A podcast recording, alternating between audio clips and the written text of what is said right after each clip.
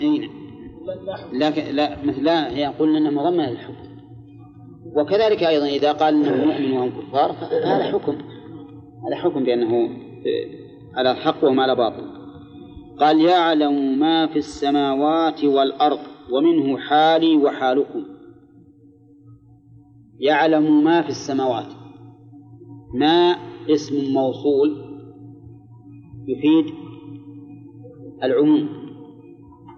وقوله ما في السماوات ولم يقل من في السماوات. تغليبا للأكثر. تغليبا للأكثر أو للذوات والصفات. وهذا أولى. لأننا قد نمانع بأن الأكثر غير العاقل باعتبار السماوات والأرض. فإن السماوات ما فيها موضع قدم إلا وفيه ملك قائم أو راكع أو ساجد والسماوات عظيمة واسعة وما يعلم جنود ربك إلا هو. لكن نقول لأنه يعم الذوات والصفات وما يعبر بها عن الصفة دون الموصوف. قال الله تعالى فانكحوا ما طاب لكم من النساء ولم يقل من طاب. لأن المرأة إنما تنكح بصفاتها. إذن يقول والذي ما في السماوات والأرض. مشكل علينا صلة الموصول يا عيسى. وين صلة الموصول ما؟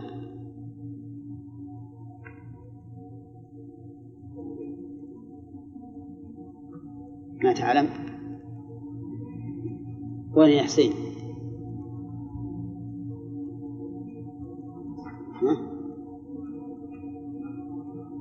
وين يا رشيد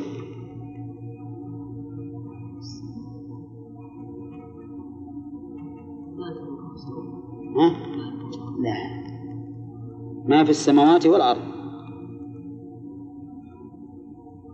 صلاة الموصول عبد الله أين صلاة الموصول؟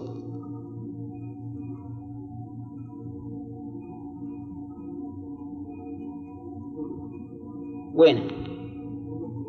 وش التقدير؟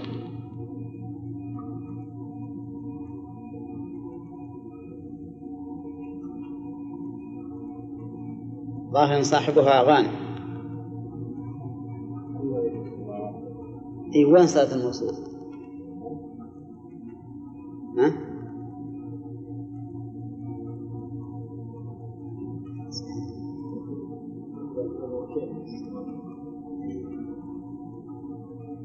توافقون على هذا؟ ما يكون إيه طيب أو ما استقر ها؟ ما استقر أو ما استقر إيه. طيب ابن مالك يقول وجملة أو شبه شبهها الذي وصل به كمن عند الذي ابنه كفر ها؟ إذن هذه شبه جملة شبه جملة لأنه جار ومجرور فصلة الموصول إما أن تكون جملة اسمية أو فعلية أو شبه جملة وهو الظرف أو الجار والمجرور والظرف والجار والمجرور هل هو نفسه صلة كما هو ظاهر كلام ابن مالك أو متعلقه هو الصلة كما هو قول الجمهور؟ يقول متعلقه هو الصلة وهل يقدر فعلا أو اسما؟ قال عصام إنه يقدر اسما. ولكن الصحيح أنه يقدر فعلا. لأن هذا هو الأصل. وعمل ال- الاسم عند الحذف قليل وضعيف. فيقدر صلة الموصول قبالكم صلة الموصول تقدر بفعل. وخبر المبتدأ وش يقدر؟ لا، باسم. ويجوز بفعل لكن باسم هو هو الأصل. تقول الرجل عندك الرجل عندك. التقدير الرجل كائن أو مستقر عندك. ويجوز الر- الرجل استقر عندك على أن يكون الخبر جملة فعلية لكن هذا خلاف الأصل. لأن الأصل في الخبر أنه مفرد.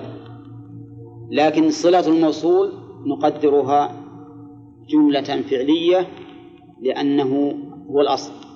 لو قلت جاء الذي عندك الذي مستقر عندك. لازم أن نقدر مبتدأ مرة ثانية ونقول الذي هو مستقر. والخلاصة حطوا بالكم لها. إذا وقع الظرف أو أو الجار مجرور خبرا فقدره بإيش؟ باسم. إذا وقع صلة للموصول فقدره بفعل.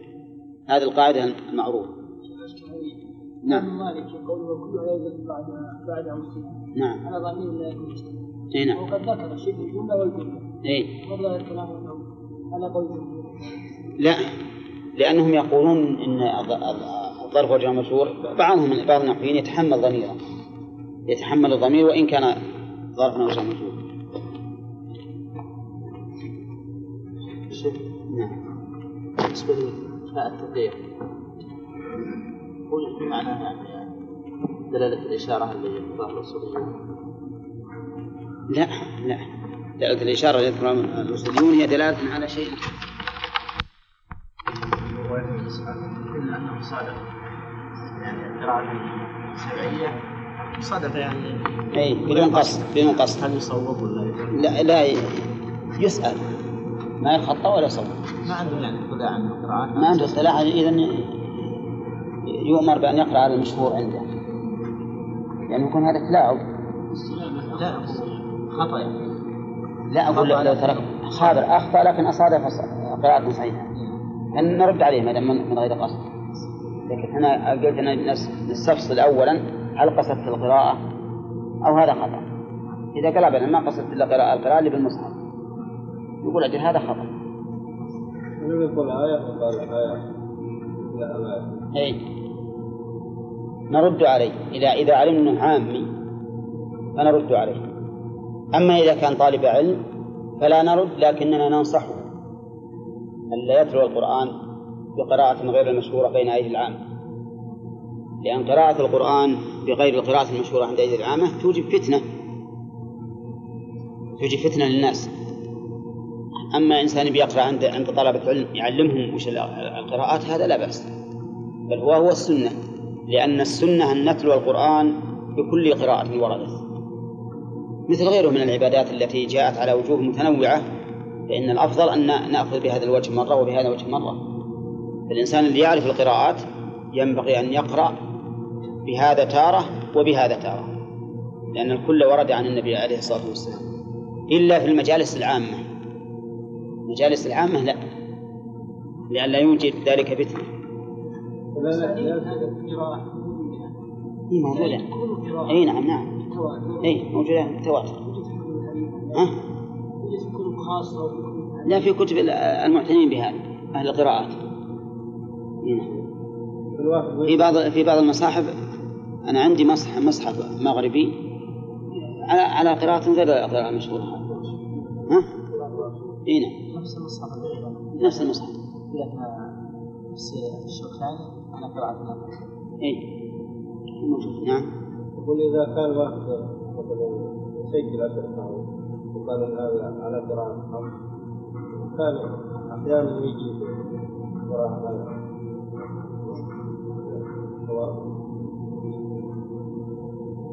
يعني قصد الأشرطة اللي تنتشر؟ مثل المشاورة إي. إذا جاء مد آه الله أذن لكم بطريق الله. ما كل مد هذا. والله إحنا نرى, أن هذا خطأ؟ اللي ينشر بين العامة بدون تعليم؟ بس يقرأ هكذا. هو كل ما جاء في أول الشريط إي. قال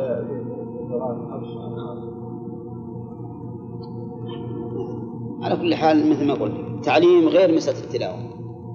أنا أرى أن ال- الإنسان لا يتلو على العامة إلا ما كان مشهورا بين أيديهم. لأنك تعرف العامي أول يستنكر ويغار. هذه واحدة. ثانيا أنه ينخفض قدر المصحف في, نظره. إذا شاف أن المصحف سدى ولا سدى هو مثل اللي صار عنده محترم معظم ما يغير ولا يتغير.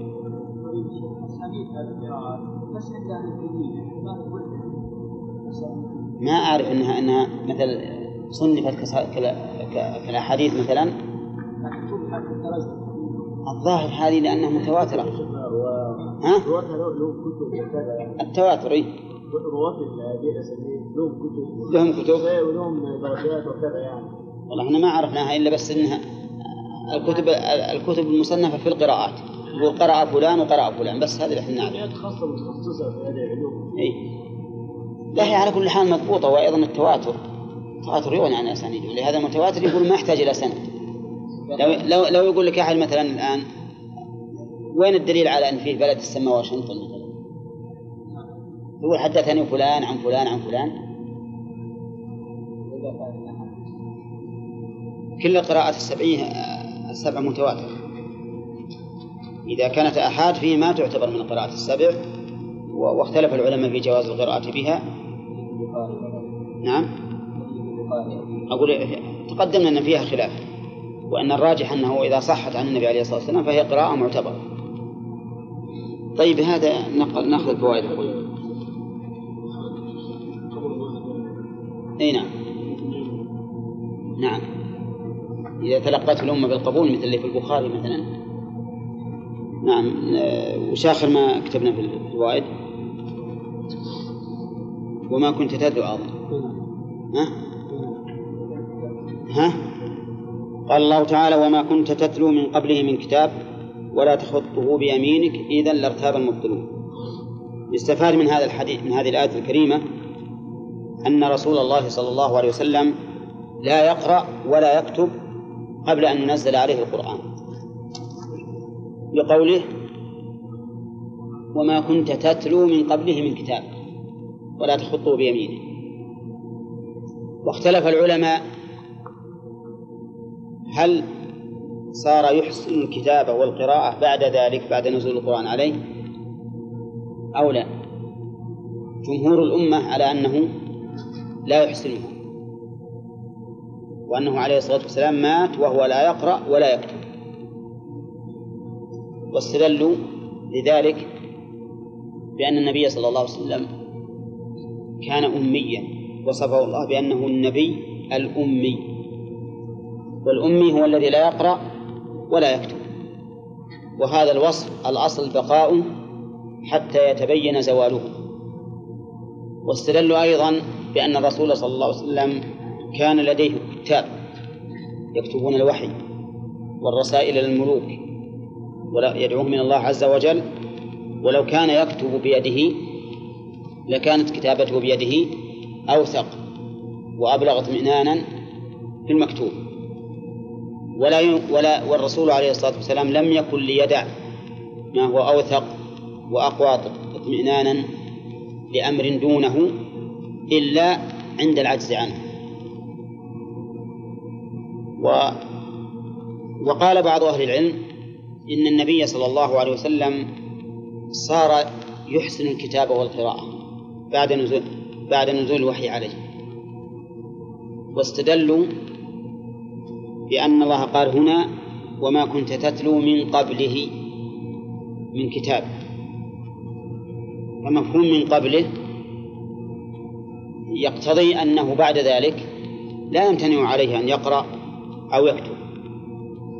واستدلوا أيضا بأن النبي صلى الله عليه وسلم في غزوة الحديبية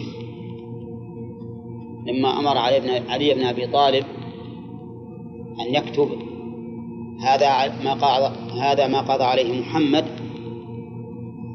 سهيل بن عمرو. أبى رضي الله عنه أن يكتبها. قال ما أمحو اسمك؟ من أول ما كتبوا من محمد هذا ما قضى عليه رسول الله سهيل بن عمرو.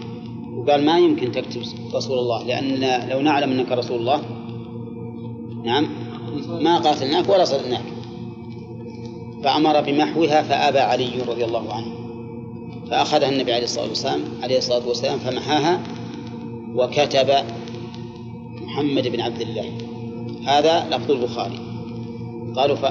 فكلمة كتب تدل على أنه باشر الكتابة والثالث أن هذا أي أن كونه يقرأ ويكتب هذا هو الأظهر بعد أن نزل عليه القرآن. لأنه صلى الله عليه وسلم أعطاه الله تعالى عقلا وأعطاه علما. والعاقل العالم لا يشق عليه أن يقرأ أو يكتب بعد أن ينزل عليه القرآن. لأن التعلم هذا يكون من الصبيان الصغار فكيف بمثل حال الرسول عليه الصلاة والسلام؟ فلا يمتنع عليه ذلك. وأجابوا عن احتجاج أولئك بقولهم إن وصفه بالأمي لا ينافي أن يكون تعلم الكتابة بعد ذلك. من وجهين. الوجه الأول أن وصفه بكونه أميا لا يعني الوصف الشخصي إذ قد إذ قد يراد به أنه من الأميين فيكون الأمي مثل القرشي الأميين والله تعالى يقول هو الذي بعث في الأميين رسولا منهم. أو يقال إنه كان أميا حين نزول القرآن عليه حين نزول القرآن عليه هذا جواب. والجواب عن كون الرسول عليه الصلاة والسلام له كتاب هو أن الكبير والرئيس جرت العادة أن يكون له كتاب يكتبون له ما يريد. كما هو مشهور فهذا شأن النبي صلى الله عليه وسلم مع كتاب الوحي وكتاب الرسائل إلى الملوك. وقالوا إن المحذور الذي يتحقق أو يخشى منه بكون الرسول عليه الصلاة والسلام يقرأ أو يكتب قد زال بعد أن نزل عليه الوحي وهو لا يقرأ ولا يكتب وثبتت الرسالة فإنه قد زال وإن كان يمكن أن يقال إنه قرأ أو كتب ما ينزل عليه من الوحي شيئا فشيئا. لكن الأصل أنه بعد ثبوت نبوته لأول مرة زال هذا المحذور. وتوسط بعض أهل العلم فقال إن الرسول صلى الله عليه وسلم لا يقرأ ولا يكتب صناعته من حيث الصناعة لا يقرأ ولا يكتب لأن الأصل بقاء مكان على مكان. وأما ما وقع منه يوم الحديبية فهو إما أنه من آيات الله يعني أنه معجزة. أن يكون هو لا يقرأ ولا يكتب ثم في تلك اللحظة الحرجة صار يقرأ ويكتب. وكتب اسمه طبعا قرأ من كتب قرأ. نعم. أو يقال إنه فكتب أي أمر من يكتب. فإن الأفعال تسند إلى من يأمر بها. وهذا كثير. هذا كثير أن تسند الأفعال إلى من يأمر بها. والله عز وجل دائما يسند الأفعال إلى نفسه لأنه أفعال الخلق إلى نفسه لأنه المدبر لها. ويقال في المثل بنى عمرو بن العاص مدينة الفسطاط. مدينة الفسطاط. وما بناها بنفسه. من الذي بناها؟ أه العمال بأمره. العمال بأمره. ها؟ ها؟ نعم. وكذلك يا هامان بن صالح المهم أنهم حملوا قوله كتب على أمر أن يكتب. وقال بعضهم إن الرسول صلى الله عليه وسلم كان يعرف أن يكتب اسمه فقط. لا أنه آية في تلك, في تلك اللحظة. ومن كان يكتب حرفا دون حرف أو أكثر الحروف ما يكتبها وأكثر الكلمات ما يكتبها هل يخرج عن وصفه بكونه أميا؟ لا يخرج. ولهذا تجد الآن كثير من الناس يعرف يوقع يكتب اسمه مثلا. نعم. لكن ما يعرف يكتب غيره. هل نقول هذا الرجل كاتب؟ لا لا نقول. والخلاصة أن المسألة ما زالت محل إشكال. والأدلة فيها متقابلة. الأدلة فيها متقابلة. فإذا كانت الأدلة متقابلة فإننا نرجع إلى القاعدة العامة. وهي أن الأصل بقاء ما كان على ما كان.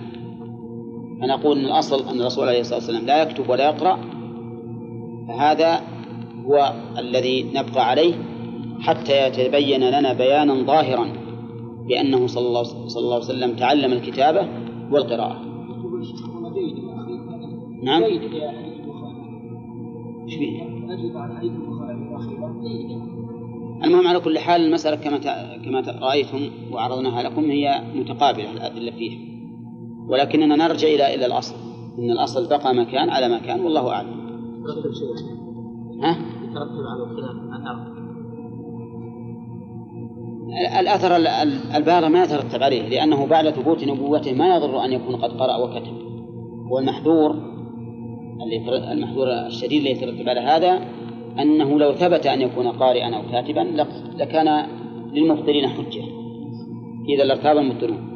لكننا نقول ما دام أنه ثبت أنه كان قبل النبوة لا يقرأ ولا يكتب فإنه بمجرد الوحي صار نبيا.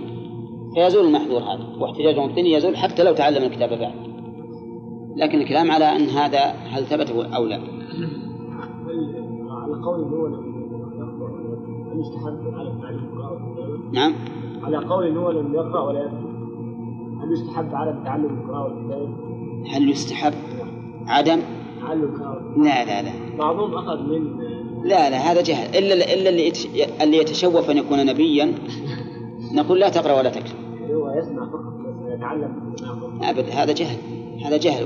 الله يقول ويعلمهم الكتاب والحكمة. يعلمهم مثلا الاستماع أبدا حتى بالصناعة. حتى بالصناعة. هو الكتابة الكتابة فرض كفاية. بماذا يحفظ الدين الآن؟ يعني لو لو لو أن الدين الآن عاد إلى صدورنا ها؟ أظنه ما ما ما يبقى. فلولا أن الله من على الذي علم بالقلم علم الإنسان ما لم يعلم. هذه امتنان ولا, ولا تهجين؟ طيب. لا هذا صاحبك هذا جهل مركب. والرسول محمد أمر حينما هجر المدينة إيه؟ أمر بتعلم الكتابة يعني وأمر بتعلم زيد بن ثابت لغة اليهود. المهم من هذا صاحبك هذا أجهل من حمار كان ركب الحمير نعم. طيب نقول الآن ما كنت تتلو من قبل في الآية دليل على أن الرسول صلى الله عليه وسلم كان لا يقرأ ولا يكتب قبل قبل نزول القرآن عليه. وهل كان يقرأ ويكتب بعد نزول القرآن؟ ذكرنا أن في المسألة خلاف. من فوائد الآية أن كل مبطل فإن الله تعالى قد أبطل شبهته. ولا نقول حجته. الإسلام مبطل لجميع شبه المبطلين. لقوله إذن لارتاب المبطلون. نعم. ومن فوائد الآية هو أنه ينبغي في المناظرة التنزل مع الخصم وإبطال ما يحتج به حتى عند التنزل معه. لأن هذا ليس بلازم أن نقول إنكم كاذبون في إبطالكم نبوة الرسول عليه الصلاة والسلام. ولكن مع هذا بين الله هذه الآية الواضحة المحسوسة. إنه لو كان يقرأ أو يكتب لكان في ذلك ارتياب المبطل بمعنى شبهة يحتج بها. وهذا كقوله ولقد نعلم أنهم يقولون إنما يعلمه بشر. أبطل الله هذه الحجة بمثل هذه الحجة. إيش قال؟ لسان الذي يلحدون إليه أعجمي وهذا لسان عربي مبين. كيف يكون هذا؟ نعم. ومن فوائد الآية أن المبطل يتعلق بكل شبهة. لأن كون الرسول عليه الصلاة والسلام يقرأ أو يكتب ثم يقول إنه أوحي إليه ويؤيد ذلك بالآيات هل يكون كتابته وقراءته مانعا من قبول حجته؟ ها؟ لا لكن المبطل يتعلق بكل شبهة ومع ذلك تنزلنا معه وقلنا لكم أنت الآن لو زعمت أن الرسول تقوله تعلمه من غيره فكتبه وجاء يقول أنا أوحي إلي هذا القرآن فإننا نقول لك إننا إن الرسول صلى الله عليه وسلم ها ما كان يقرأ ولا يكتب. ومن فوائد الآية نعم ننتقل. بل هو آيات بينات في صدور الذين أوتوا العلم وما يجحد بآياتنا إلا الظالمون. نعم. وهي؟ قلنا في الارتياب شك مع قلق مم. فيكون المبطل لا يكفي منه الشك فقط بل كان يقلق لطلب الشبه.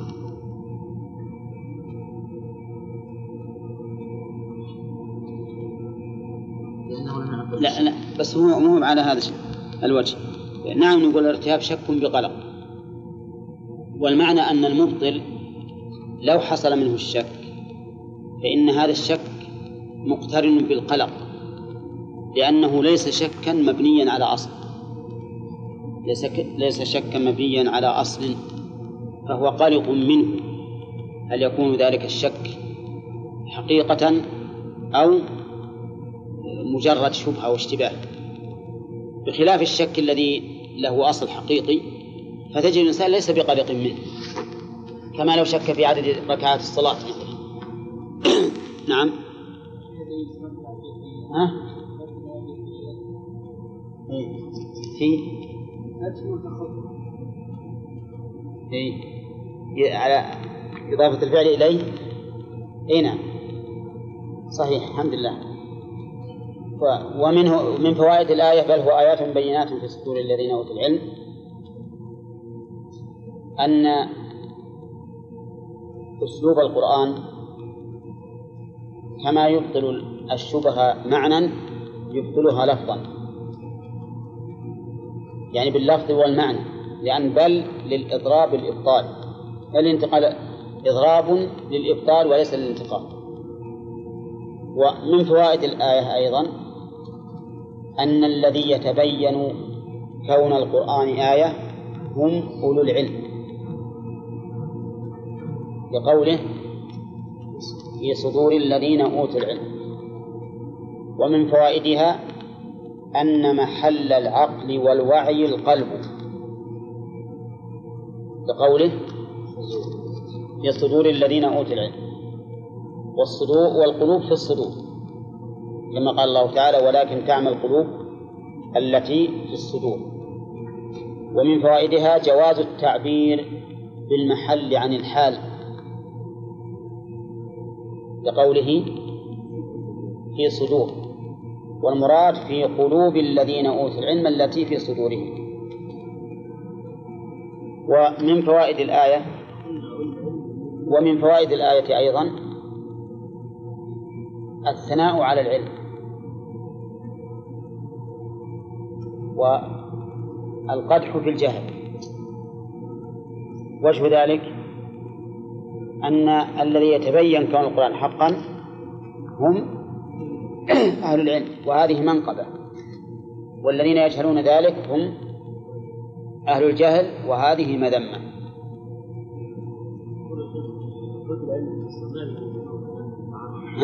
أوتوا العلم قلنا إنهم المؤمنون كيف؟ أوتوا العلم قلنا في التفسير هم المؤمنون لا قلنا هو أعم المؤلف قال أنها المؤمنون لكن قلنا ينبغي أن تكون أعم من ذلك لأن أهل العلم يعلمون أنه حق. فاليهود مثلا يعلمون أن القرآن حق. ومع ذلك ما آمنوا. ومن من فوائد ال- الآية ظهور كون القرآن آية بقوله بينات. ليس في القرآن خفاء. بل بل كونه آية لل- للرسول صلى الله عليه وسلم أمر بين ظاهر. ومن فوائد الآية أن الجحد بالآيات ظلم. والإقرار بها عدل. لقوله وما يجحد بآياتنا إلا الظالمون. في مقابل ذلك وما يؤمن بها ها؟ إلا أهل العدل. إلا أهل العدل والإنصاف. ولذلك كل من كان منصفا فإنه لا بد أن يقر. بحقية القرآن. والإنسان الظالم على على ظلمه. نعم؟ فلم ينفعه علمه فليس بعالم. لا لا مهم معنى ليس بعالم ما عنده حلم. لكن ليس بعالم انتفع بعلمه ما يمكن. يخشى الله من عباده نعم. يخشى الله العلماء بالله. إيه نعم. والعلماء بالله لا بد أن يخشوه إذا كان علمهم حقيقي ينفعهم العلم لا شك أنه يطلق حتى على من لا ينتفع به يقال عالم لكن يقال عالم لم ينفعه علم. فالجاهل خير منه. مو مو بس مثل الجاهل جاهل خير منه. شيخ نعم. يصلح تقسيم العلماء إلى عالم بالله وعالم بأمر الله. لا العالم بأمر الله من من العالم بالله. لأن العلم بالله يشمل العلم به وبأسمائه وصفاته وأحكامه. هذا. طيب خ- خلوا نمشي يا أخوان. أنا قال لكم لا تناقشوني وقت الفوائد. لأن الإنسان قد يكون متهيئ لفائدة ثم مع المناقشة تروح عليه. وإذا خسارة عليه وعليكم في الواقع. في أثناء ال- الاستنباط الأحسن يخلى الإنسان وفكره. في أثناء التفسير لا بأس. نعم. نعم يقول نقول ما ما في هذا دليل على أن أهل بآية الله أهل, أهل ظلم نعم. خلينا نكمل حصة التفسير عشان وأن في مقابل ذلك أهل العدل والإنصاف يقرون بآيات الله لأنها حق. وقوله تعالى وقالوا لولا أنزل عليه آية من ربه قل إنما الآيات عند الله وإنما أنا نذير مبين. استفاد من هذه الآية تعنت المشركين لطلبهم الآيات بقوله وقالوا لولا أنزل عليه آية من ربه وإلا فنحن نقول لهم قد جاءتكم آيات أليس كذلك؟ ها؟ لكنهم يقولون هذا تعنتا ومن فوائدها أن المتعنت مكابر. لإنكاره ما هو ظاهر.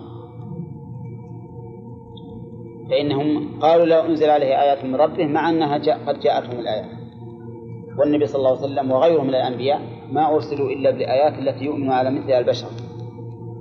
ومنها إقرار المشركين بالله. قوله من ربه. ومنها إقرارهم بعلوه. أنزل عليه آية من ربه. فيكون اعتقاد المشركين في الله من حيث العلو أكمل من اعتقاد المعتزلة والجهمية والأشاعرة. لأن هؤلاء ينكرون علو الله الذاتي. ينكرونه. ويقولون الله لا داخل العالم ولا خارجه ولا متصل ولا مباين وهذا معروف عندهم. ومن فوائد الآية أن الرسول صلى الله عليه وسلم بشر لا يملك لنفسه نفعا ولا ضرا. لقوله إنما الآيات عند الله. ومن من فوائد الآية أن إضافة الأمور إلى الله تقطع الحجج. أولى لقوله إنما الآيات عند الله. ويتفرع على هذه المسألة فائدة أخرى في الأحكام الشرعية. إذا سئلنا ما الحكمة من كون كذا كذا وكذا. نقول هذا من عند الله. هذا حكم الله. وهذا كاف لكل مؤمن. لقوله تعالى وما كان لمؤمن ولا مؤمنة إذا قضى الله ورسوله أمرا أن يكون لهم الخيرة من أمرهم. ولهذا احتجت عائشة على عمرة بإيش؟ كان يصيبون ذلك فنؤمر بقضاء الصوم ولا نؤمر بقضاء الصلاة. إذا فإسناد الأمور إلى الله كاف في إبطال الحجج وهو أعظم حجة. لقوله إنما الآيات عند الله ومنها إثبات قدرة الله عز وجل. منين ناخذ إنما الآيات عند الله. لأن الشيء لا يكون آية حتى يكون خارقا للعادة. أليس كذلك؟ لو جاءنا لو لو جاء رسول إلى الناس وقالوا له أعطنا آية قال عندي لكم آيتين ما هي بآية واحدة. ما آيتك وكان كان ذلك في وقت الاعتدال الربيعي قال آيتي أن تطلع الشمس الساعة 12 وتغيب الساعة 12 هذه آية؟ ليش؟ هذا الوقت هذا العادة. لا بد أن تكون العادة الآية مخالفة للعادة. فإذا أجرى الله الأمر على خلاف العادة دل ذلك على قدرته. واضح الآن؟ فقول إنما الآيات عند الله فيها إثبات قدرة الله عز وجل. لأن الآية لا تكون إلا مخالفة للعادة ومخالفة العادة لا شك أنه دال على القدرة. ومنها الرد على أهل الطبيعة الذين يقولون إن الكون طبيعة منظمة لنفسها بنفسها وأنها عبارة عن مقدمات ونتائج ينتج بعضها ببعض. ومن بعض تؤخذ من قوله ها؟ إنما الآيات عند الله عند الله وحده. فهو الذي يدبر سبحانه وتعالى الكون. ويأتي بالآيات الدالة على كمال قدرته وسلطانه. ومن فوائد الآية أن رسول الله صلى الله عليه وسلم وظيفته الإنذار لا الهداية لقوله وإنما أنا نذير مبين. ومنها أيضا أنه لا يملك أن يأتي بآية إلا من عند الله. وهذا ما يفيده الحصر في قوله إنما أنا نذير مبين. وأكبر شاهد على هذا أنهم سألوه عن قصة أصحاب الكهف. فقال لهم أخبركم بذلك غدا. ينتظر الوحي. فامتنع الوحي خمسة عشر يوما لم ينزل. نعم. فضاق النبي عليه الصلاة والسلام بهذا ولكن هو في الحقيقة من تأييد الرسول عليه الصلاة والسلام. من تأييده. لأنه ينفي كل شبهة يمكن أن يقال إنه يتقول القرآن. الذي يتقول القرآن يحرص غاية الحرص على أن لا يخلف ما قال. أليس كذلك؟ لأنه إذا أخلف ما قال صار موضع شك لكن حقيقة هو موضع يقين. لأنه لو كان يتقول لقال لجاء به من الغد بناء على وعدهم ولكنه صلى الله عليه وسلم لا يتقول وإنما يتلقى فهو يتلقى من الله الوحي وإنك لتلقى القرآن من لدن حكيم عليم. ومن فوائد الآية أنه لا يجب على من بلغ عن الرسول عليه الصلاة والسلام إلا الإنذار. كذا يعني أهل العلم اللي هم ورثة الأنبياء ما يملكون هداية الخوف لكن عليهم الإنذار عليهم الإنذار والتبليغ. ومنها أن من بلاغة الكلام أن يكون الخطاب موافقا لمقتضى الحال.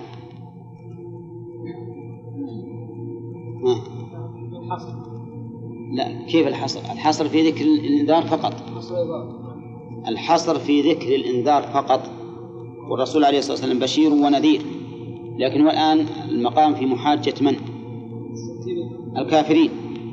فكان مقتضى الحال أن يقال لهم صفة الإنذار فقط دون التبشير. لهذا قال إنما أنا نذير مبين. ومن فوائدها أيضا المنقبة للمنذر إذا كان مبينا في إنذاره فيكون فيه مدح للفصاحة والبلاغة.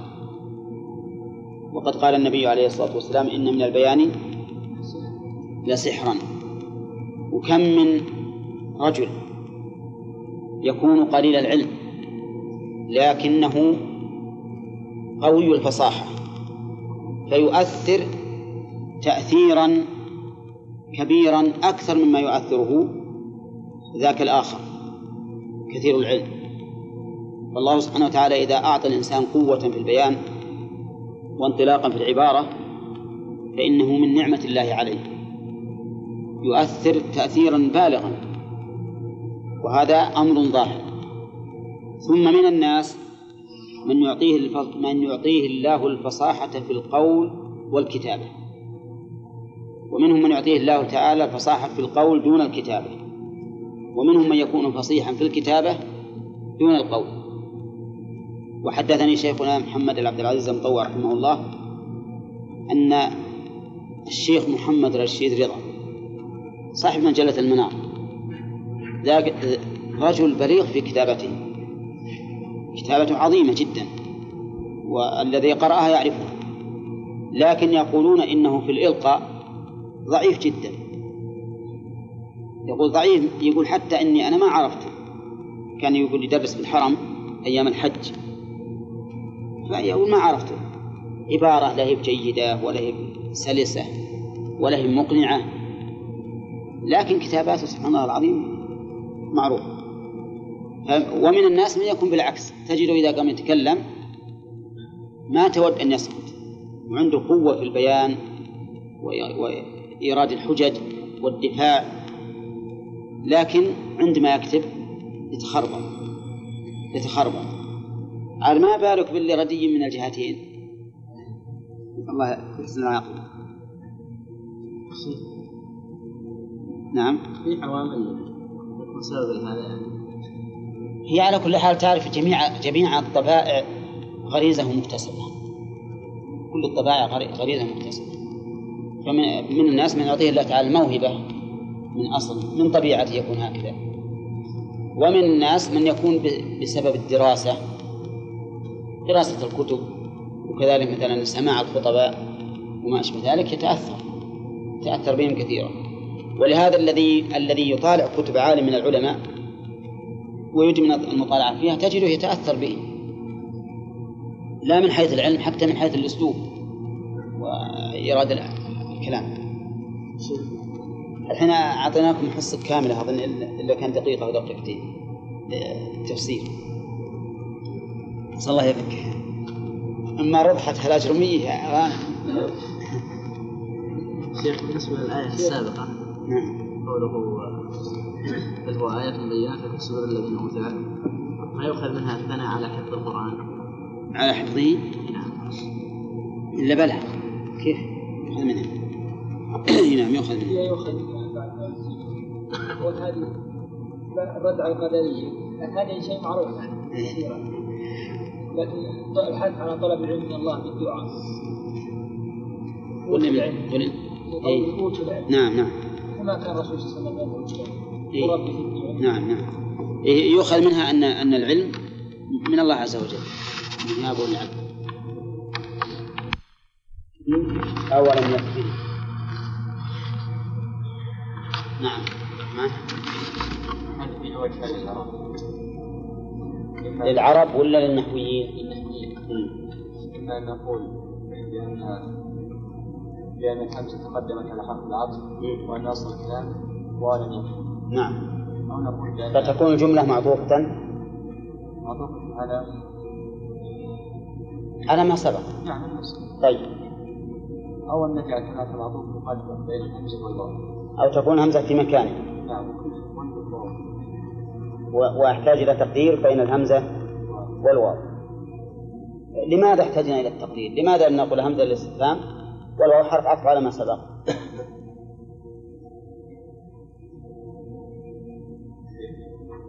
أقول لماذا لم نقل إن الهمزة للاستفهام والواو حرف عطف على ما سبق؟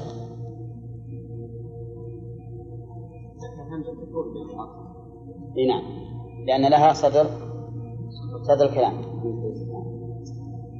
أين فاعل يكفيهم عصام. فعل مؤمن إننا نزلنا والتقدير إنزالنا أو ولم يكن إنزالنا يعني المصدر المعول نعم قوله تعالى إن في ذلك المشار إليه ما هو يا يوسف؟ هو الإنزال. أو المنزل.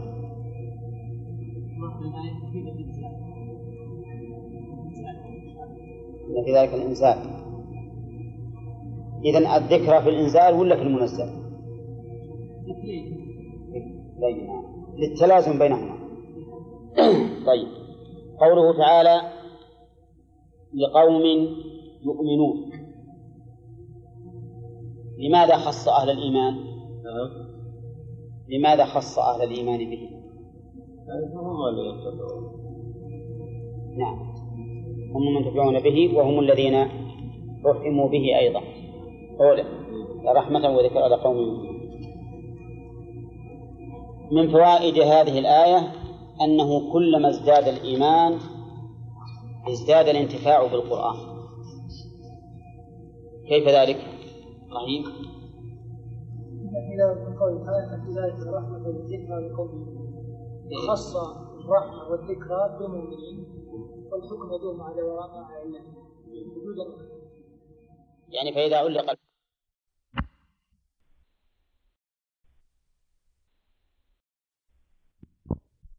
ضمة مقدرة على آخره منع من ظهورها اشتغال المحل بحركة حرف الجر الزائد. وقوله شهيدا قلنا إنه يجوز في إعرابها وجهان. أن تكون حالا والثاني أن تكون تمييزا. يعني أن الله سبحانه وتعالى كاف شهيدا بيني وبينكم. فيحكم بيننا ليبين المحق من المبطل. وقلنا إن شهيدا هنا مضمنة معنى الحكم بدليل قوله بيني وبينكم فإن مثل هذا التعبير يكون في الحكم لا في الشهادة. فإن الشهادة يقال يقال فيها لي أو علي شهد لي أو علي. أما بيني وبينك فهو في الحكم. والشهادة تطلق بمعنى الحكم كما في قوله تعالى وشهد شاهد من أهلها إن كان قميصه قد من قبل فصدقت وهو من الكاذبين وإن كان قميصه قد من دبر فكذبت وهو من الصادقين. فإن قوله وشهد شاهد بمعنى حكم حاكم. والحاكم في الحقيقة الشاهد حاكم شاهد. شاهد من وجهين. أولا أنه شاهد بحكم الله لأنه حاكم به. فهو إذا حكم يقول أشهد بأن حكم الله يعني يقول بلسان الحال أشهد بأن حكم الله كذا وكذا. وهو شاهد على المحق بالحق وعلى المبطل بالباطل. فهذا وجه كون الحاكم شاهدا. ولذلك يقولون إن الحاكم شاهد ومفتي وملزم كالأمير. وهذا واضح فيما ذكروه. قال الله تعالى بيني وبينكم شهيدا ووجه كونه سبحانه وتعالى كافيا أن كونه يؤيد رسوله صلى الله عليه وسلم بالآيات البينات ويدحض حجج أولئك ماذا يدل عليه هذا؟ على أن الرسول عليه الصلاة والسلام على حق وأن خصومه على باطل وهذا من أبين الأمور ثم قال يعلم ما في السماوات والأرض. هذه الجملة حال حال من الله. يعني حال كونه يعلم. ويجوز أن تكون استئنافية لبيان صحة شهادة الله سبحانه وتعالى وحكمه فإنه يشهد عن علم يشهد عن علم فيعلم المحق فيحكم له والمبطل فيحكم عليه. وقول ما في السماوات والأرض كلنا يعلم أن ما هنا اسم موصول وأنه مفيد للعموم. واختيار ما على من؟ الدالة على العقلاء إما للتغليب. إن كان غير العقلاء أكثر وإما لملاحظة الصفات مع الذوات وملاحظة الصفات يعبر فيها بما؟ لأن الصفة ما عاقل. قالوا ومنه قوله تعالى فانكحوا ما طاب لكم من النساء ولم يقل من طاب لأنه ليس المقصود عين المرأة المقصود وصف المرأة. كما قال النبي عليه الصلاة والسلام تنكح المرأة لأربع لمالها وحسبها وجمالها ودينها. نعم. هنا إبراهيم ثاني. وقوله يعلم ما في السماوات والأرض. إذا كان للعموم فهو يشمل أفعال الإنسان. أولا يشمل أفعاله وأقواله وسره وعلانيته. وفيها ظاهر رد ظاهر على على من؟ على غلاة القدرية الذين كانوا قديما ينفون العلم والعياذ بالله ويقولون إن الأمر أنف يعني مستأنف والذين ينكرون علم الله سبحانه وتعالى كفار لأنهم مكذبون للقرآن يعلم ما في السماوات والأرض دائما يجمع الله سبحانه وتعالى السماوات ويفرد الأرض. وكلها في العدد سواء كما ثبتت به السنة وكما هو ظاهر القرآن في قوله تعالى الله الذي خلق سبع سماوات ومن الأرض مثلهن. فيكون الأرض مفردة لكنها معناها إيش معناها؟ معناها الجمع. فأل هنا لاستغراق الجنس. يعني كل ما يسمى أرضا فيشمل السبع الأراضي الأراضين. ومنه أي مما في السماوات والأرض حالي وحالكم. ونص المؤلف على ذلك لأن المقام يقتضيه حيث قال كفى بالله بيني وبينكم شهيدا.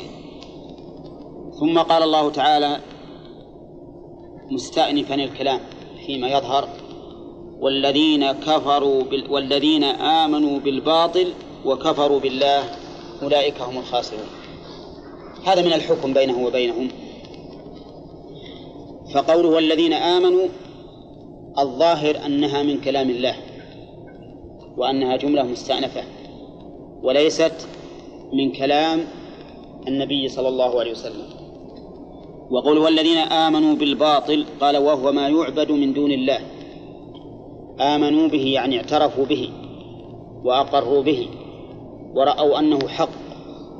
هؤلاء خاسرون والباطل كل ما عبد من دون الله في هذا المقام. وإلا ففي غيره يقال الباطل كل ما كل ما خالف الحق فهو باطل.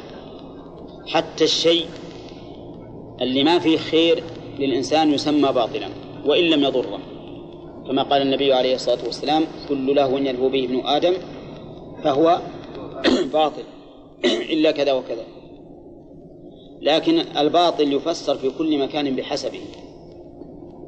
وهذا أو هذه القاعدة شاملة لجميع الكلمات.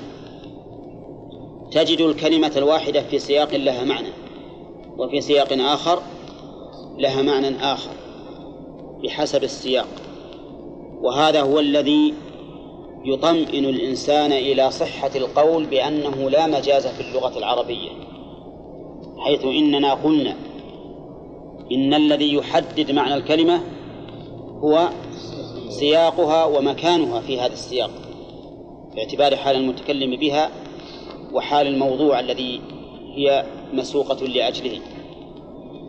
فالباطل هنا لا يصح أن نقول إنه كل ما لا نفع فيه بل نقول هو الأصنام ذلك بأن الله هو الحق وأن ما يدعون من دونه هو الباطل.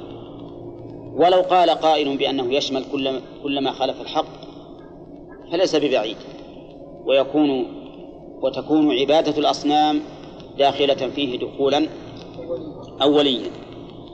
والذين آمنوا بالباطل وكفروا بالله كفروا بالله أي أنكروا ما يجب له من حق وذلك لأن الكفر في اللغة العربية بمعنى الستر ومنه سمي الكفر وش الكفر؟ ها؟ الكفر غطاء الرأس؟ لا مو ها؟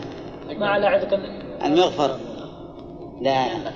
الكفر يسمونه الكافور عندنا حق الطلع طلع النخل. أي نعم. لأنه يستر الثمر. وقول المؤلف منكم هذا من أغرب ما يكون. هذا من أغرب ما يكون حيث قال منكم إلا إذا كان المؤلف يرى. أن الخطاب في قوله والذين آمنوا بالباطل أو الكلام في قوله والذين آمنوا بالباطل أنه من كلام الرسول عليه الصلاة والسلام فإن قوله منكم له وجه لأنه يكون المخاطب بذلك من؟ المشركون. يكون الرسول يخاطب المشركين ويقول الذين آمنوا بالباطل وكفروا بالله منكم أيها المشركون. أما إن كانت من كلام الله فإنها عامة. وهي بالنسبة للرسول عليه الصلاة والسلام وأصحابه واقعة ولا لا؟ بالنسبة للرسول وأصحابه غير واقعة. فإذا كان الكلام من الله فإن قوله منكم لا معنى لها. وإن كان الكلام من النبي عليه الصلاة والسلام فهي, فهي وجيهة. وقوله أولئك هم الخاسرون في مقالتهم في صفقتهم. أولئك هم الخاسرون. أولا الذين آمنوا بالباطل إعرابها على أنها مبتدأ. أين الخبر؟ جملة أولئك هم الخاسرون. وصوغ الجملة على هذا الوجه له معنى عظيم حيث جاءت بالجملة الاسمية المفيدة للحصر. لو قال والذين آمنوا بالباطل وكفروا بالله الخاسرون. لعلم المعنى لكن إذا جاءت بقوله أولئك هم الخاسرون صارت أبلغ لأن الإشارة للتعيين كما هو ظاهر وضمير الفصل يفيد الحصر وعلى هذا فيكون حصر الخسران فيهم من جهتين من جهة التعيين بالإشارة في قوله أولئك.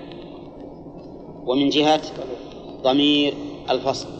أولئك هم الخاسرون. خسروا صفقتهم فما ربحوا بل تضرروا بهذه الصفقة. ضمير الحصر ذكرنا أنه يفيد فيما سبق. ذكرنا أنه يفيد ثلاثة فوائد. وهي؟ فصل. التمييز بين الصفة والخبر. الثانية التوكيد نعم. والحصر. والحصر. التوكيد والحصر والتمييز أو الفصل بين الصفة والخبر. ولهذا سمي ضمير فصل. فإذا قلت زيد الفاضل زيد الفاضل يحتمل أن الفاضل صفة والخبر منتظر. يعني زيد الفاضل مثل قائم. فإذا قلت زيد هو الفاضل تعين أن يكون خبرا. فاستفدنا من ضمير الفصل أنه عين أن ما بعده خبر لا صفة. واضح؟ طيب ضمير الفصل هل هو اسم وإلا حرف؟ اسم الأصح أنه حرف؟ أي نعم. الأصح أنه حرف. وهو ضمير وهو ضمير. لكن بصورة الضمير. وبعضهم يقول إنه ضمير لكن ما له محل من الإعراب. وبعضهم يقول ضمير ومحله من الإعراب ما قبله. ولكن الأخير هذا خلاف اللغة اللغة العربية. ما هي؟ لأن الضمائر ما ينعت بها ولا تنعت. الضمائر ما ينعت بها ولا تنعت. صحيح أنها تؤكد قام هو. فعلى كل حال الأصح والأرجح اللي عليه الأكثر أنه حرف جيء به لل- للفوائد الثلاثة اللي ذكر ذكرنا. وقوله الخاسرون. اعلم أن الخسران يكون بفوات المحبوب ويكون بحصول المكروه. والذي حصل لهؤلاء المؤمنين بالباطل الكافرين بالله ها؟ كلا الأمرين. فهم فاتهم المطلوب ووقعوا في المكروه. فاتهم الثواب العظيم الذي أعد الله للمؤمنين به من الجنات وحصلوا والعياذ بالله على النار. فخسروا الأمرين جميعا. أولئك هم الخاسرون في صفقتهم حيث اشتروا الكفر بالإيمان. طيب الخسران هنا هم خسروا أنفسهم فقط؟ لا خسروا أنفسهم وأهليهم وأموالهم ودنياهم وآخرتهم. أعوذ بالله. خسروا أنفسهم ظاهر لأن أنفسهم التي كانوا بصدد أن يحموها عن المحارم وعن الباطل ضيعوها فخسروها. ضاعت مع نفوس الهالكين. وخسروا أهليهم لأن المؤمنين قد ربحوا أهليهم في الدنيا والآخرة. والذين آمنوا واتبعتهم ذريتهم بإيمان ألحقنا بهم ذريتهم. وما ألتناهم من عملهم من شيء. فربحوا الذرية في الدنيا والآخرة. نعم.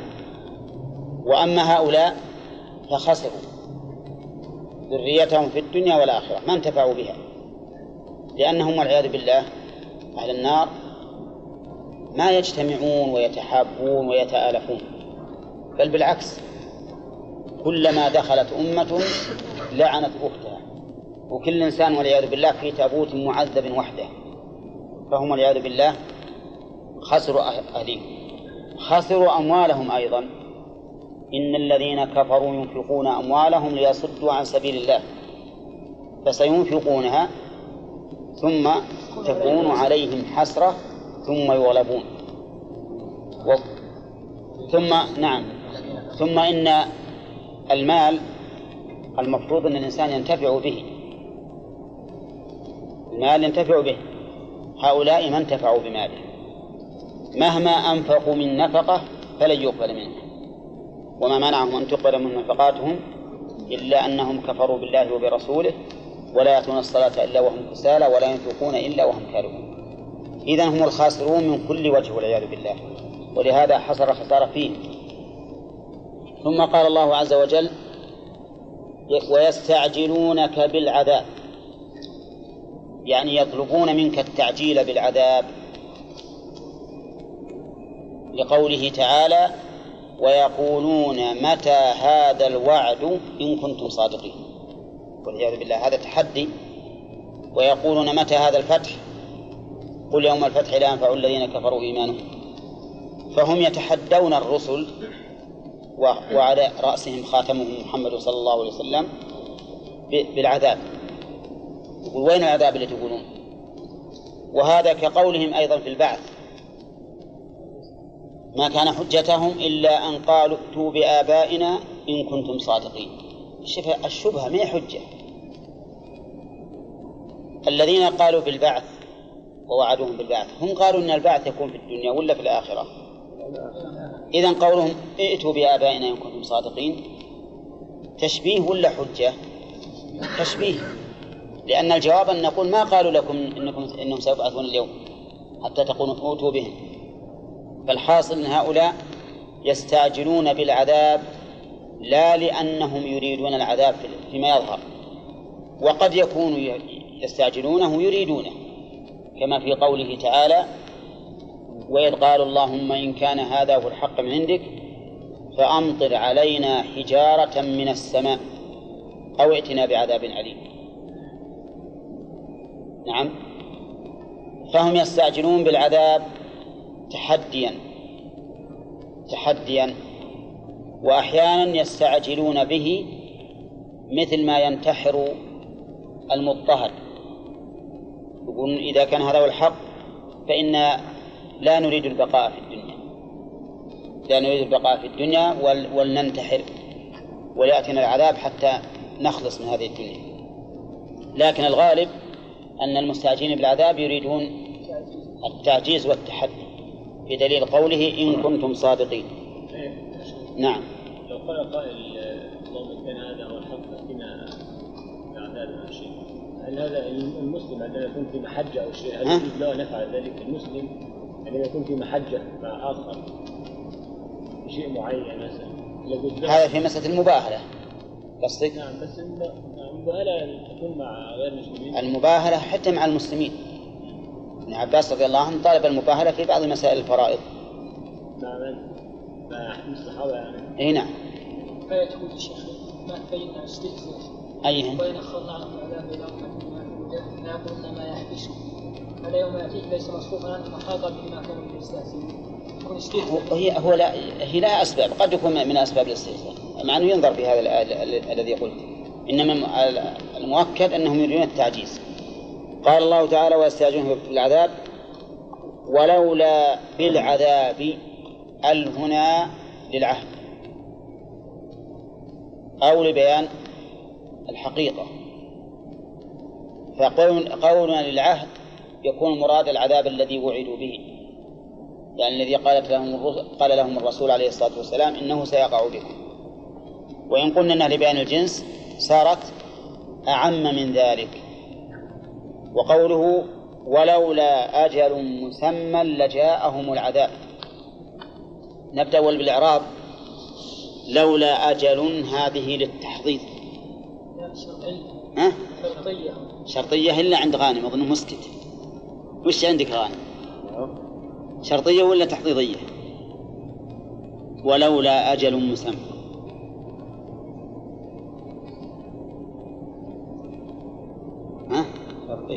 شرطية؟ زين بدليل جواب الشرط.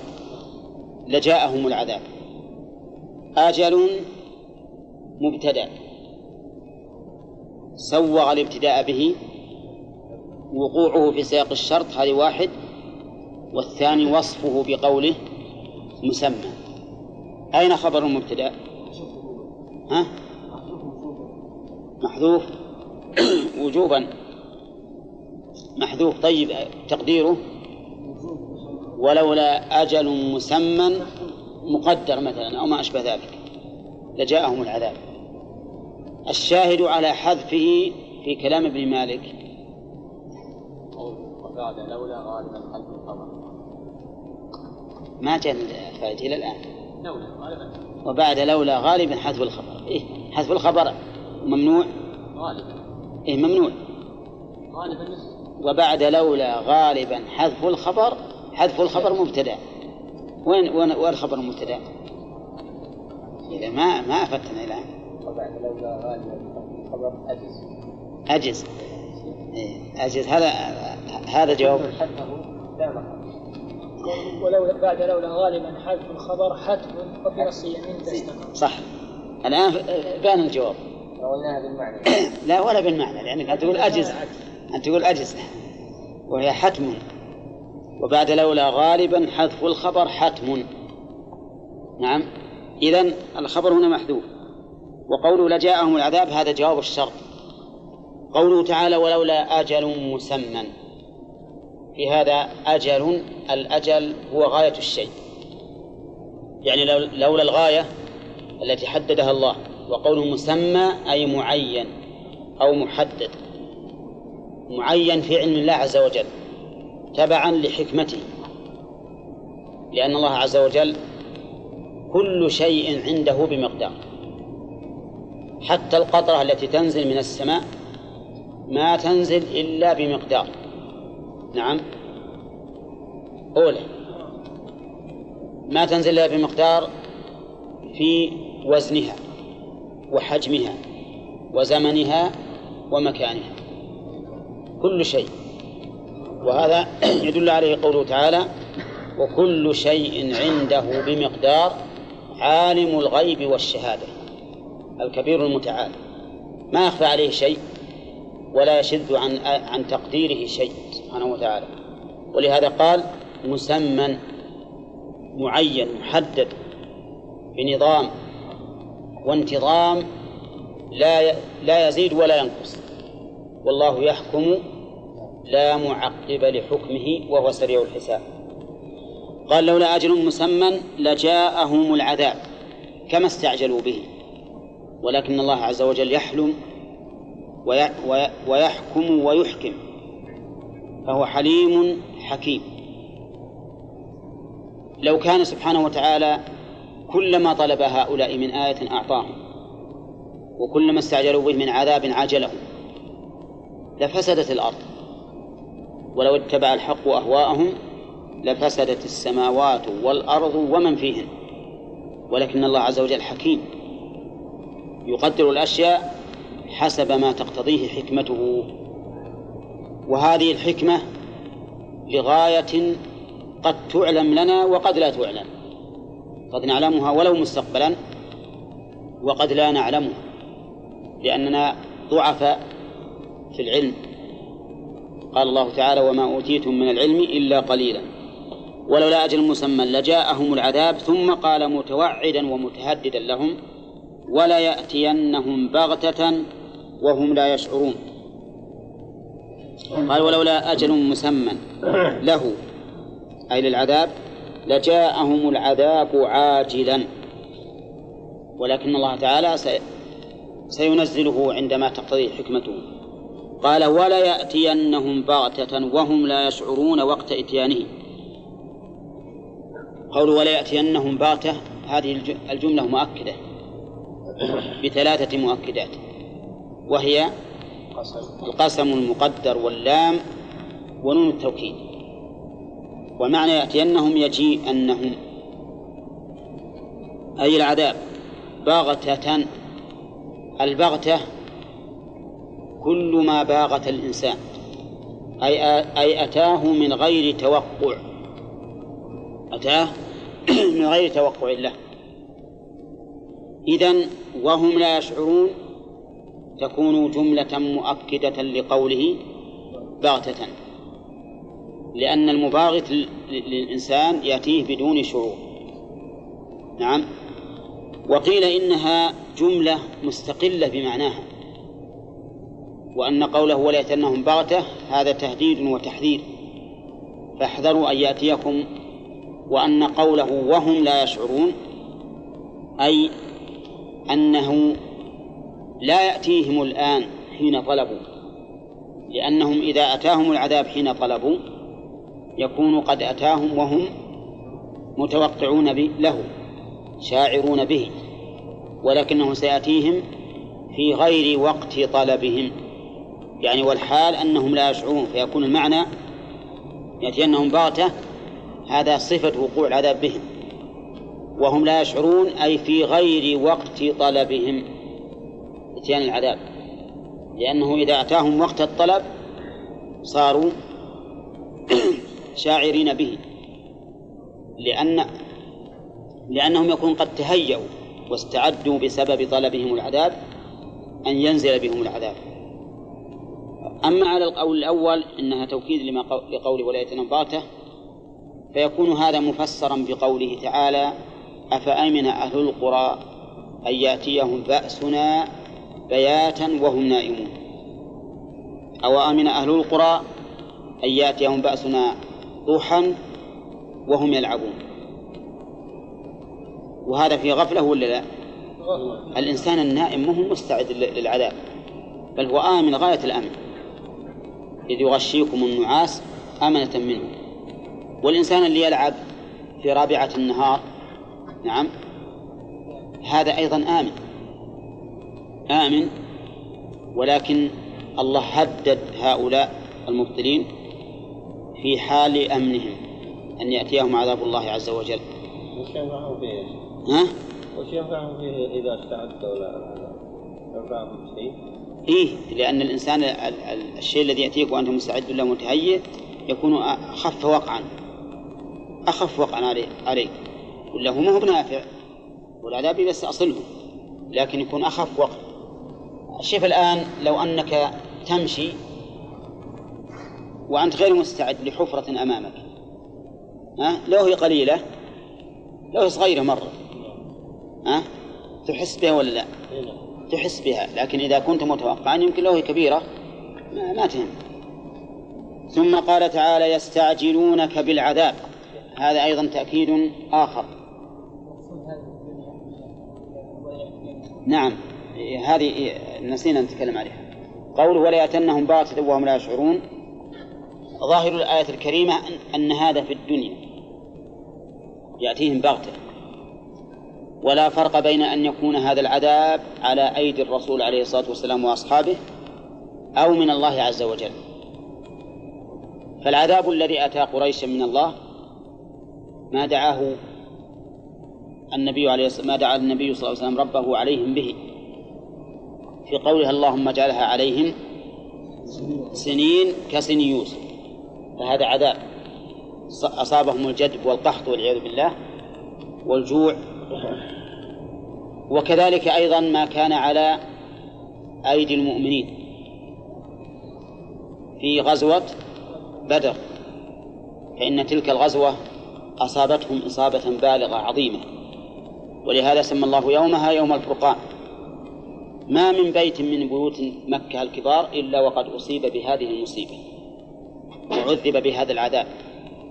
وعلى العموم فإن قريشا أصيبوا عامة بنكبة بالغة لأن صناديدهم ورؤساءهم قتلوا.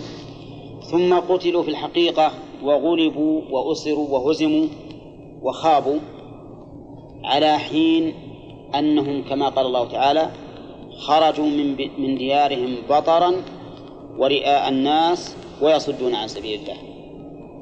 يعني قد قد جزموا أنهم غانمون وهازمون للرسول صلى الله عليه وسلم وأصحابه. أبو جهل يقول والله لا نقدم لا نرجع حتى نقدم بدرا فننحر الجزور ونسقي الخمور وتعزف علينا القيان ويسمع بنا العرب فلا يزالون يهابوننا أبدا. هذا كلام. لكن الله عز وجل من ورائهم محيط. الذي حصل أن العرب تحدثوا بهم وأن القيان عزفت عليهم بالنعي لا بالفرح. نعم. وأنهم سقوا كأس الحمام ولم يسقوا الخمور فصار الأمر عكس ما قالوا تماما. والنبي عليه الصلاة والسلام رفع الله رايت رايته ونصره ووقف عليهم موبخا على القريب وهم جثث هامدة. يقول يا فلان بن فلان هل وجدتم ما وعد ربكم حقا؟ فإني قد وجدت ما وعدني ربي حقا. أبلغ من هذا الذل والعياذ بالله والعار وسبعين رجلا منهم أسروا نعم ولم يطلقوا إلا بفداء وصاروا بدل الكراسي العالية صاروا يدرسون الصبيان في المدينة ويعلمونهم الكتابة.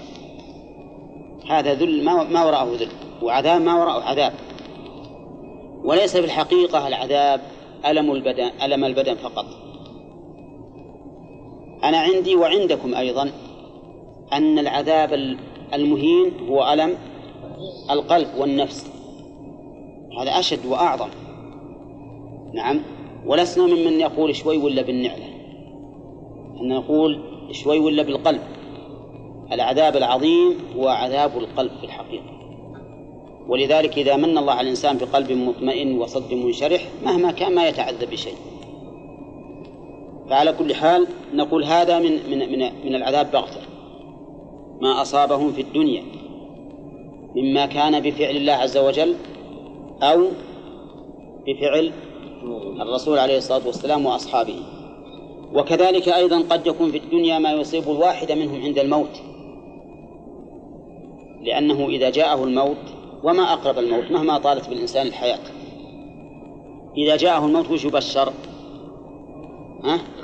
يبشر بغضب من الله وسخط والعياذ بالله ويقال لروحه أخرجي أيتها الروح الروح الخبيثة فهذا والعياذ بالله عذاب أيضا وقوله ويستعجلونك بالعذاب وإن جهنم لمحيطة بالكافرين يكون هذا المراد عذاب الآخرة. يكون المراد عذاب الآخرة. فيكون قوله وليأتينهم بغتة هذا في الدنيا. وإن جهنم لمحيطة بالكافرين هذا في الآخرة. وهم في الحقيقة يستعجلون العذاب هذا وهذا لأنهم يكذبون الرسول عليه الصلاة والسلام بما قال من وعيد الآخرة وبما قال من أنه سينتصر عليهم وتكون الغلبة له. نعم من السائل.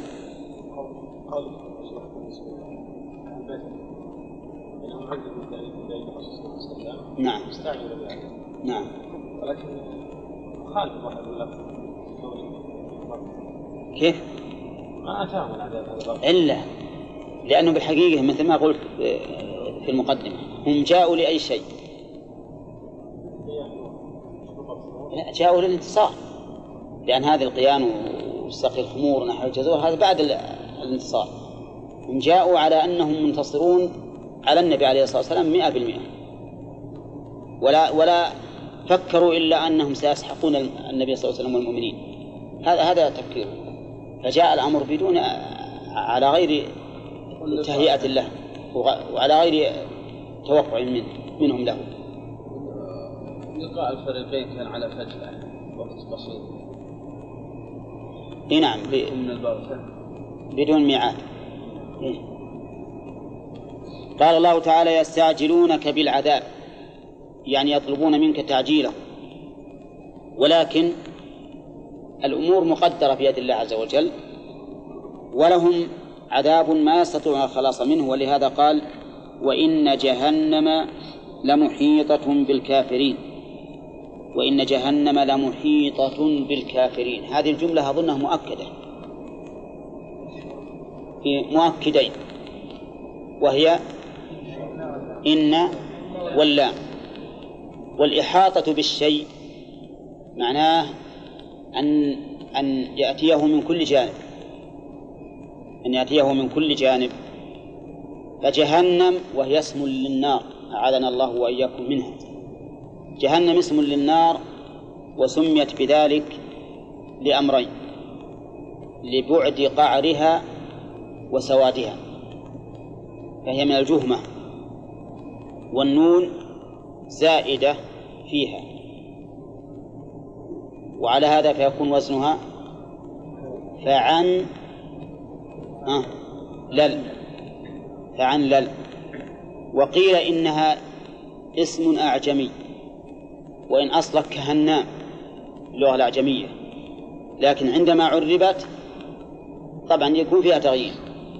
فصارت إلى جهنم. والغريب أن العجم الآن عندما يتحدثون إلى بغوا يعبرون عن النار تلقاهم يقول جهنم. حتى نار الدنيا يسميها جهنم. يعني عندهم إلى الآن النار اسم جهنم اسم للنار. نعم مع أن إحنا لو نقول جهنم هي النار العظيمة. أولى النار التي تشتعل في عود الكبريت نسميها جهنم؟ لا. ما نسميها جهنم. لا النار العظيمة جدا. هم عندهم أن جهنم اسم لمطلق النار. نعم. حديث على النار حتى عليها حتى ثم عليها حتى نعم. فهي ضعيف. ولكن له أصل المادة هذه مادة الجيم والهاء والميم تدل على هذا. الجهمة معناه في اللغة الظلمة هنا مسودة هي سوداء والعياذ بالله مظلمة وقوله لمحيطة بالكافرين الحمد لله أنه ما قال بالظالمين. قال بالكافرين. الكافر يكون في قعر الجحيم والعياذ بالله. فاطلع فرآه في سواء الجحيم. أي في المكان السوي منها وهو الوسط. نعم. هؤلاء والعياذ بالله تحيط بهم النار. من كل جانب لأن الإحاطة تقتضي ذلك. تقتضي ذلك. لكن يبقى على هذا التقرير قوله تعالى يوم يغشاهم العذاب من فوقهم ومن تحت أرجلهم. يغشاهم العذاب. يغشاهم يعني يغطيهم. ومنه قوله تعالى يغشي الليل النهار. وقوله والليل إذا يغشى. يغشى يعني يغطي. واجد الشواهد يا أخي إبراهيم. لو نستوعب كل شاهد. تعبنا. آه، فإذا فقوله والليل إذا يغشى يعني يغطي الأرض بسواده. يغطي الأرض بسواده. فعلى هذا يغشاهم العذاب أي يغطيهم لكن من فوقهم ومن تحت أرجلهم. ونحن قلنا الإحاطة من كل جانب. فهل تكون الآية يوم غشاهم العذاب مخصصة لهذه الإحاطة وتكون الإحاطة من فوق ومن تحت؟ أو يقال إن تغشية العذاب أبلغ من إحاطة النار؟ وهذا هو الأقرب. وخص الفوق والتحت لأنه لا يمكن الفرار منه. لكن الجوانب ها؟ يمكن الفرار. إذا جاءك من الخلف تروح قدام إذا جاءك من قدام تروح من الخلف. من يمين تروح يسار ومن يسار تروح يمين. وقال بعض المفسرين خص الفوق والتحت لأن نار الدنيا ما تأتي من فوق ومن تحت. تكون ها؟ من جانب إلى جنب وهذا منقوض بمن ألقي في نفس النار. منين يجيها النار؟ ها؟ أي من جميع الجهات أو من فوق وتحت. قد تكون من تحت تتلهى فوق رأسه ومن ومن أسفل أيضا. إنما الذي يظهر والله أعلم لأنه أق... لأنه أقل تمكنا من الفرار. إنما الذي نرى أنه أن ما بعد قوله محيطة لا يخصصه يصير الإحاطة عامة من كل جانب وتغشية العذاب وهو أشد وأعظم يكون من الفوق ومن تحت. كما قال الله تعالى لهم ظلل لهم من فوقهم ظلل من النار ومن تحتهم ظلل. ذلك يخوف الله به عباده يا عبادي فاتقون. نعم. يكون هذا فوق من بعض الإحاطة. يعني نحن انه ما يغشاهم من كل جانب بس من فوق ومن تحت. يعني بيان لجزء من الإحاطة يعني يعني يكون هذا أشد. يعني نوع من الإحاطة ان تكون أشد. من فوق ومن تحت أشد. والإحاطة عامة لكن من فوق ومن تحت يشدد عليهم أكثر. عد وهو نعم. يقول يستأذنك بالعذاب إي. لم يقل يستأذنونك العذاب. نعم. هل من فائدة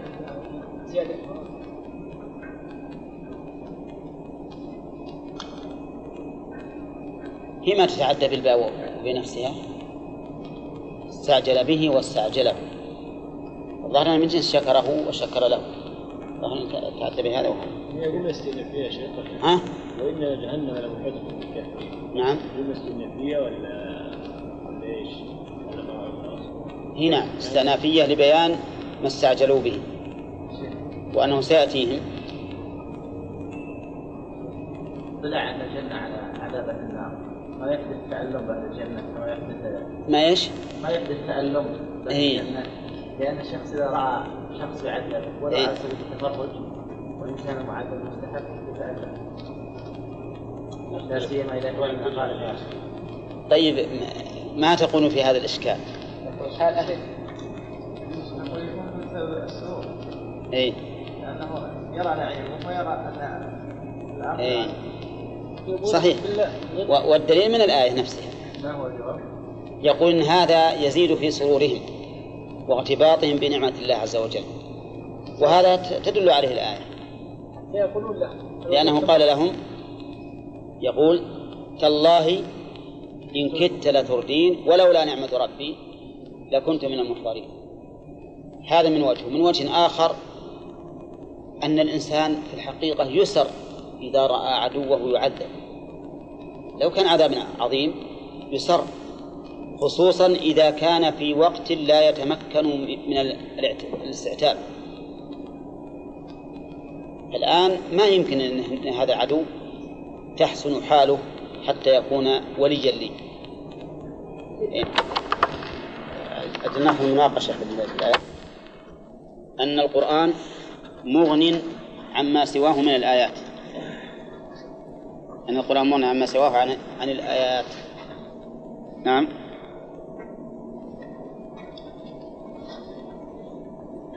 وقد سبق في التفسير وجه ذلك.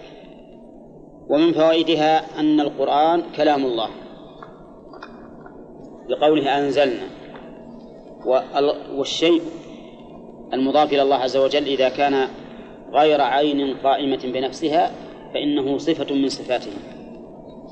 أما إذا كان عينا قائمة بنفسها أو وصفا في ذلك العين فإنه مخلوق وتكون إضافته إلى الله إما من باب, إما من باب إضافة التكوين أو من باب إضافة التشريف. فهمتم؟ فالمضاف إلى الله إذن ثلاثة أنواع. صفة وعين قائمة بنفسها وصفة في تلك العين. فالصفة يكون صفة لله لاستحالة قيام الصفة بدون موصوف. وحين وهي قد أضيفت إلى الله في هذا الموضع فتكون صفة له مثل عزة الله وقدرة الله وسمع الله وبصر الله وما أشبه ذلك. والثاني عين قائمة بنفسها أضيفت إلى الله فهي ليست من صفاته بل هي مخلوق من مخلوقاته. وأضيفت إليه إما من باب إضافة المخلوق إلى خالقه وإما من باب إضافة من باب التشريف. فقوله تعالى فقوله تعالى وسخر لكم ما في السماوات وما في الأرض جميعا منه. هذا من باب إضافة تشريفا تكوينا وخلقا. وقوله تعالى ناقة الله وبيت الله هذا للتشريف هذا للتشريف. ومنه أيضا وأرض الله واسعة فإنها من باب إضافة التشريف يعني المراد أرضه التي تقام فيها عبادته. الوصف مثل إضافة الروح إلى الله عز وجل روح آدم وروح عيسى. فإن الروح وإن كانت جسما لكنها تحل في الج- في الجسد فهي تشبه الصفة. فتكون مخلوقا ولا لا؟ تكون مخلوقا لأنها روح لجسد مخلوق فتكون مخلوقة. طيب ومن فوائد الآية إثبات علو الله. إثبات علو الله. ها؟ أيهن؟